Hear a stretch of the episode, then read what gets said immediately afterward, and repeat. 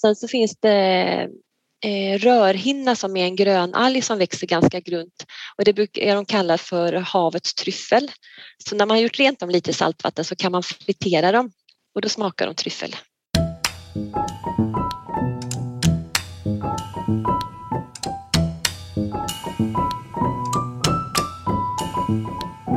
Välkommen till Matarvspodden. I denna serie pratar vi om mat som kulturarv. Jag, Lisa Häger, möter olika författare som alla är med i antologin Matarv. Berättelser om mat som kulturarv. Hej och välkommen Maria Bodin som är projektkoordinator för Scary Seafood. Och då får vi nästan börja där. Vad är Scary Seafood? Ja, men Scary Seafood är ett näringslivsutvecklingsprojekt där man vill titta på eh, råvaror från havet som man normalt sett kanske inte använder sig av. Till exempel strandkrabbor, det kan vara typer av alger, snäckor. Man vill på något sätt eh, när det vi äter från havet så äter vi mest liksom, i toppen av näringspyramiden, typ rovfiskar. Vi behöver komma och äta liksom längre ner i näringspyramiden och äta ja, sådana saker som är liksom mer vanligt. Eh, och det försöker vi jobba vidare med. Ah, spännande. Nu är det så här att du är med oss på länk idag. Du sitter ju mitt på västkusten, mitt i tångbältet kan man säga. Mm. Och eh, jag tänker vi börjar också med vad är tång och vad är alger? Men det finns någonting som heter eh, alger. Det finns mikroalger och det finns makroalger. Mikroalger är ju växtplankton, det som är längst ner i näringspyramiden. Och så, så har vi makroalger och det är till exempel tång. Mm. Eh, och det är ja, blåstång som man ser på stranden och ja, sågtång och allt vad det nu kan vara. Och vad är sjögräs då i förhållande till tång? Ja det, är, ja, det är jättebra att du tar upp det för sjögräs är en, en fröväxt. Det ser precis ut som gräs och det bildar stora ängar i grunda vikar i havet. Och det är väldigt, väldigt viktigt eh, område för det är uppväxtområden för fisk och olika typer av skaldjur och sånt där. Så det är inte någon typ av tångsort utan det är en fröväxt helt enkelt. Är det sådana områden som man brukar kalla för havets barnkammare kanske? Absolut, ålgräsängar eller sjögräsängar. Mm. Vad är då blå proteiner? För det har jag också hört talas om. Ja, men det är någonting som man använder sig av och det är ju proteiner från havet och det kan ju vara till exempel fisk, eh, olika typer av räkor eller eh, alger, till exempel tång. Så. Mm. så allting som finns i havet är blå proteiner helt enkelt? Ja, precis. Ah, bra namn tycker jag. Ja men det är det absolut. Det låter lite spännande och lite nytt sådär. verkligen. Men hur är det då med de här blå proteinerna? Hur har det varit historiskt? Äter man mycket från havet? Det beror nog, man får nog titta runt om i världen. Tittar man i Asien så ät, har man ju ätit, det finns ju lång tradition till att äta till exempel alger och mycket från havet. I Sverige och Norden så äter man ju inte lika mycket. Det handlar ju om traditioner och kulturella mönster. Vi i Sverige vi äter mest kanske filé från fisk, typ lax och Eh, torsk, vi äter lite räkor, vi kanske äter kräftor och kanske i bästa fall en hummer. Men det vi skulle vilja äta det är ju liksom mera ja, men bredare, att vi äter eh, hela fisken. Vi använder hela råvaran till exempel. Eller äter mera alger, eh, alger och snäckor och musslor och mm. sånt. Mer av allting av de blåa proteinerna helt enkelt? Ja men precis att vi jämnar ut att det inte blir liksom att det blir riktat fiske på vissa arter. För jag menar, det finns ju faktiskt historier där, där man har fiskat slut på vissa saker så att man tänker sig att, eh, ja, att vi utnyttjar havet mycket bättre. Vår planet består ungefär av 70 procent hav men bara 5 till 6 procent av den totala matproduktionen kommer från havet. Så det finns ju mycket att hämta där tänker jag. Mm. Men man får vara försiktig och titta så att det är hållbart de arterna man introducerar och så. Mm. Men har vi ändå använt tång och sjögräs? Även om vi inte har ätit det, har vi använt det ändå tidigare här i Sverige? Ja men det har vi, till exempel för gödsel. Förr så åkte bönderna till havet för att samla in, in inblåst tång eh, för att använda på åkrar som gödsel. Det är en eh, om man saltar ut tången då så är det ju mycket kväve och fosfor så det är ju näring i tång. Tång när den växer i havet till exempel, den tar ju upp eh, mycket näringsämnen så tar man, skördar man eh, tång från havet så tar man faktiskt bort sånt som skulle kunna bli övergödning till slut.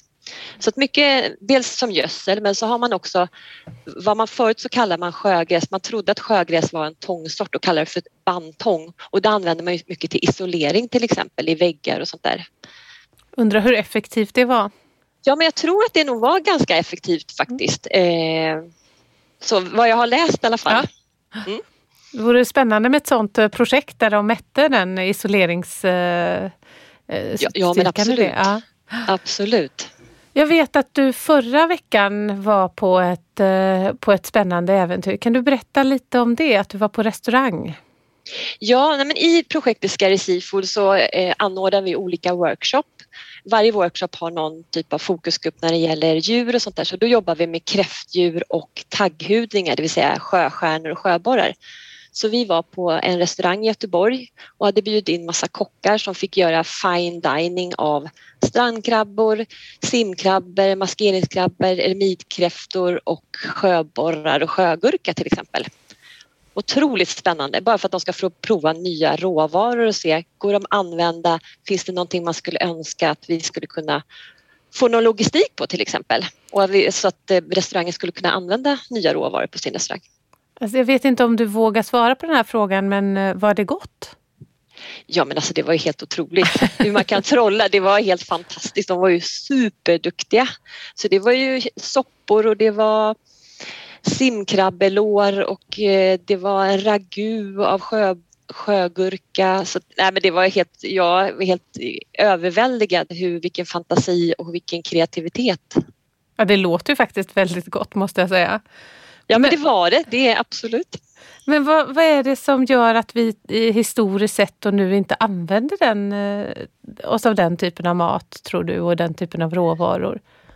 Ja, men långt tillbaka så var vi mycket bättre tror jag på att använda råvaror när vi inte hade så mycket, mycket olika råvaror men man använde alla delar av fisken, man kokade huvudet och allt vad det är. Sen vet jag inte riktigt vad som har hänt men, men det Ja, så, så om man till exempel jämför med Asien och sånt där, det handlar ju om olika konsistenser och sånt där, vad vi är vana vid mm. till exempel. Ja, men när man introducerade svamp så var inte det helt självklart heller, men det tar ett tag att få folks, folks medvetande och hur man liksom både tillreder och får tag på och sånt där. Så det, det, här är väl någonting som tar tid, tänker jag. Mm. Ja, och det är det som jag alltid har hört att om man bor vid havet så är man aldrig slut, så svälter man aldrig. Eh, vad, kan, eh, hur är det för, hur finns det för lokala traditioner kring mat? Ja men det gör det säkert och det varierar nog väldigt mycket längs kusten tror jag. Men, och det, det är väl också hur man för traditionerna vidare till exempel. Nu börjar det bli brist på fiskare och sådana här saker, eh, liksom yrkesmän. Så jag vet inte, det, men det, det kan nog variera väldigt mycket längs kusten med olika traditioner tänker jag. Och då undrar jag lite det här, vad, hur är det? Kan man plocka och tillaga tång hemma? Vad säger allemansrätten om att tillvarata tång och sjögräs? Ja, men det kan du göra om det är småskaligt. Eh, och eh, om man vill prova alla de här grejerna, det är klart du kan prova olika nya råvaror, bara man tänker på vart man plockar det. Så att man verkligen vet att det är friskt och färskt vatten och det är genomströmmat och sånt där. Så då kan du absolut plocka det. Och alger kanske man inte gör en hel rätt av utan man kanske använder, man kan kanske plockar en bit sockertång och så lägger man den i soppan för det är väldigt mycket umami i alger och tång så då skulle man kunna använda den som en buljongtärning till mm. exempel. Sen så finns det eh, rörhinna som är en grönalg som växer ganska grunt och det brukar de kalla för havets tryffel. Så när man renar den, det är lite, oftast lite sandkorn i, så här, det är tunna, tunna, tunna gröna fina rör. Så när man har gjort rent dem lite i saltvatten så kan man fritera dem och då smakar de tryffel. Väldigt spännande. Jag tror att eh, tyvärr är du här en podd och inte ett tv-program så vi kan inte visa hur de här sakerna ser ut. Men hur vanligt förekommande är det? Är det liksom som att plocka kantareller när man hittar eh, rörtång eller finns det, liksom, eh, finns det god tillgång? Ja men det gör det, man får bara veta vart de växer. Jag menar, du kan titta, liksom, titta ner på en brygga så ser du det här gröna som ja men de är ganska genomskinliga, tunna, så kan du absolut hitta det.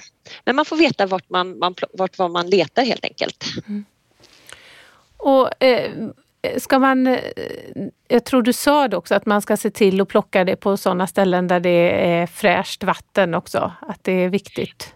Ja men det är jätteviktigt när det gäller allting från havet. Liksom. Man, det finns ju sådana algblomningar som verkligen är giftiga och såna här musseltoxiner och sånt där. Så det handlar ju om att plocka där det är fräscht vatten men också är det liksom snäckor eller framförallt musslor då som filtrerar eh, vatten som kan bli giftigt så är det, måste man ju ta reda på eh, höra av sig till de här provtagningarna som de gör så att man vet att det är okej vatten eh, så att man inte blir sjuk.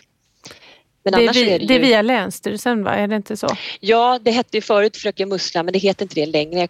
Ja, det är nog Länsstyrelsen, någon sån eh, telefonnummer som man kan ringa tror jag. Ja men toppen. Och hur är det med musslor och eh, musslor och eh, ostron? Får man plocka det också? Det är markägaren som, så det, där kan man inte plocka hur som Man måste ha tillstånd av markägaren. Okej. Okay.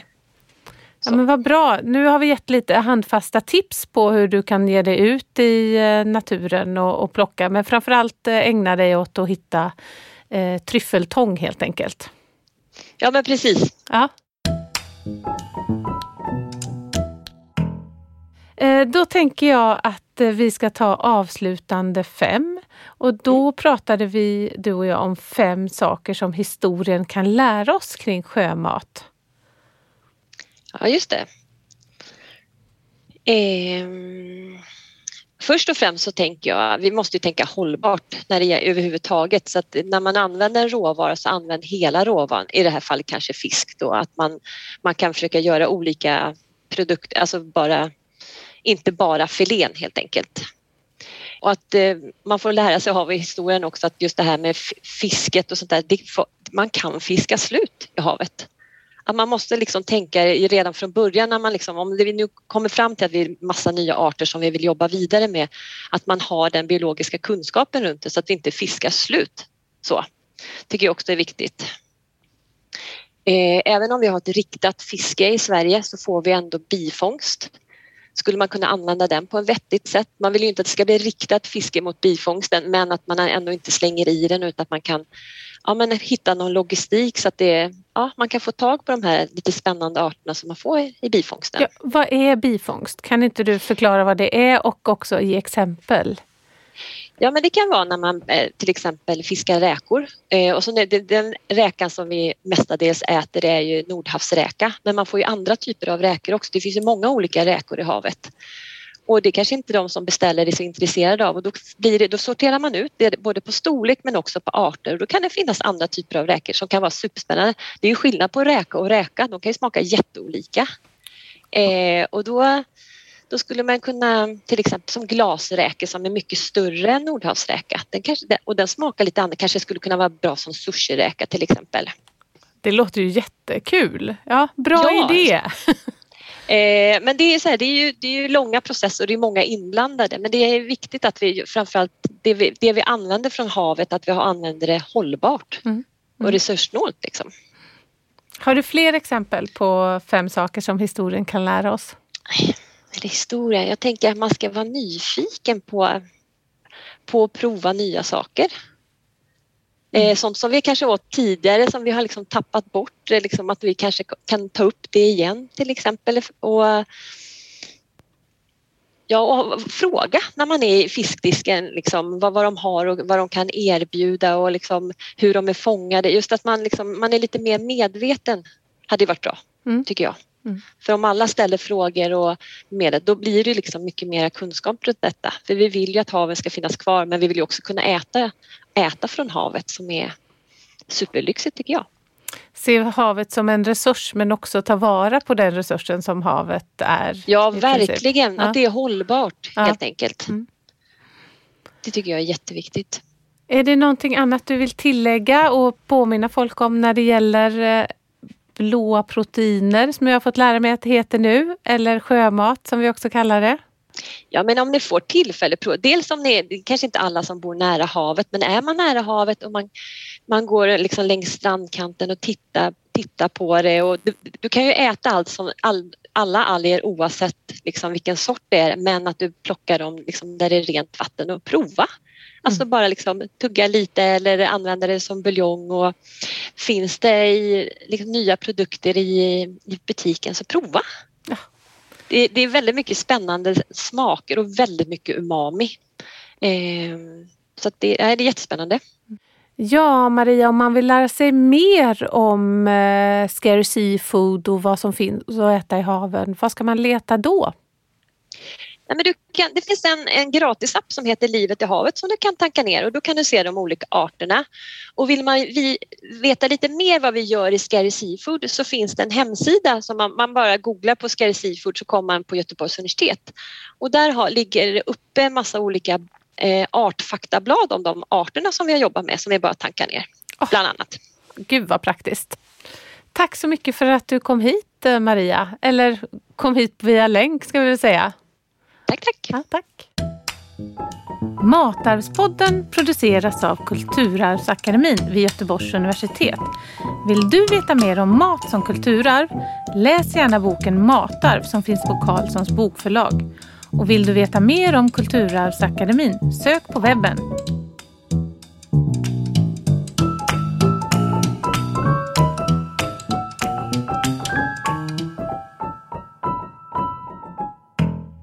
Matarvspodden finansieras av bidrag ur stiftelsen Gustav Adolf Bratts föreläsningsfond och Centrum för kritiska kulturarvsstudier vid Göteborgs universitet.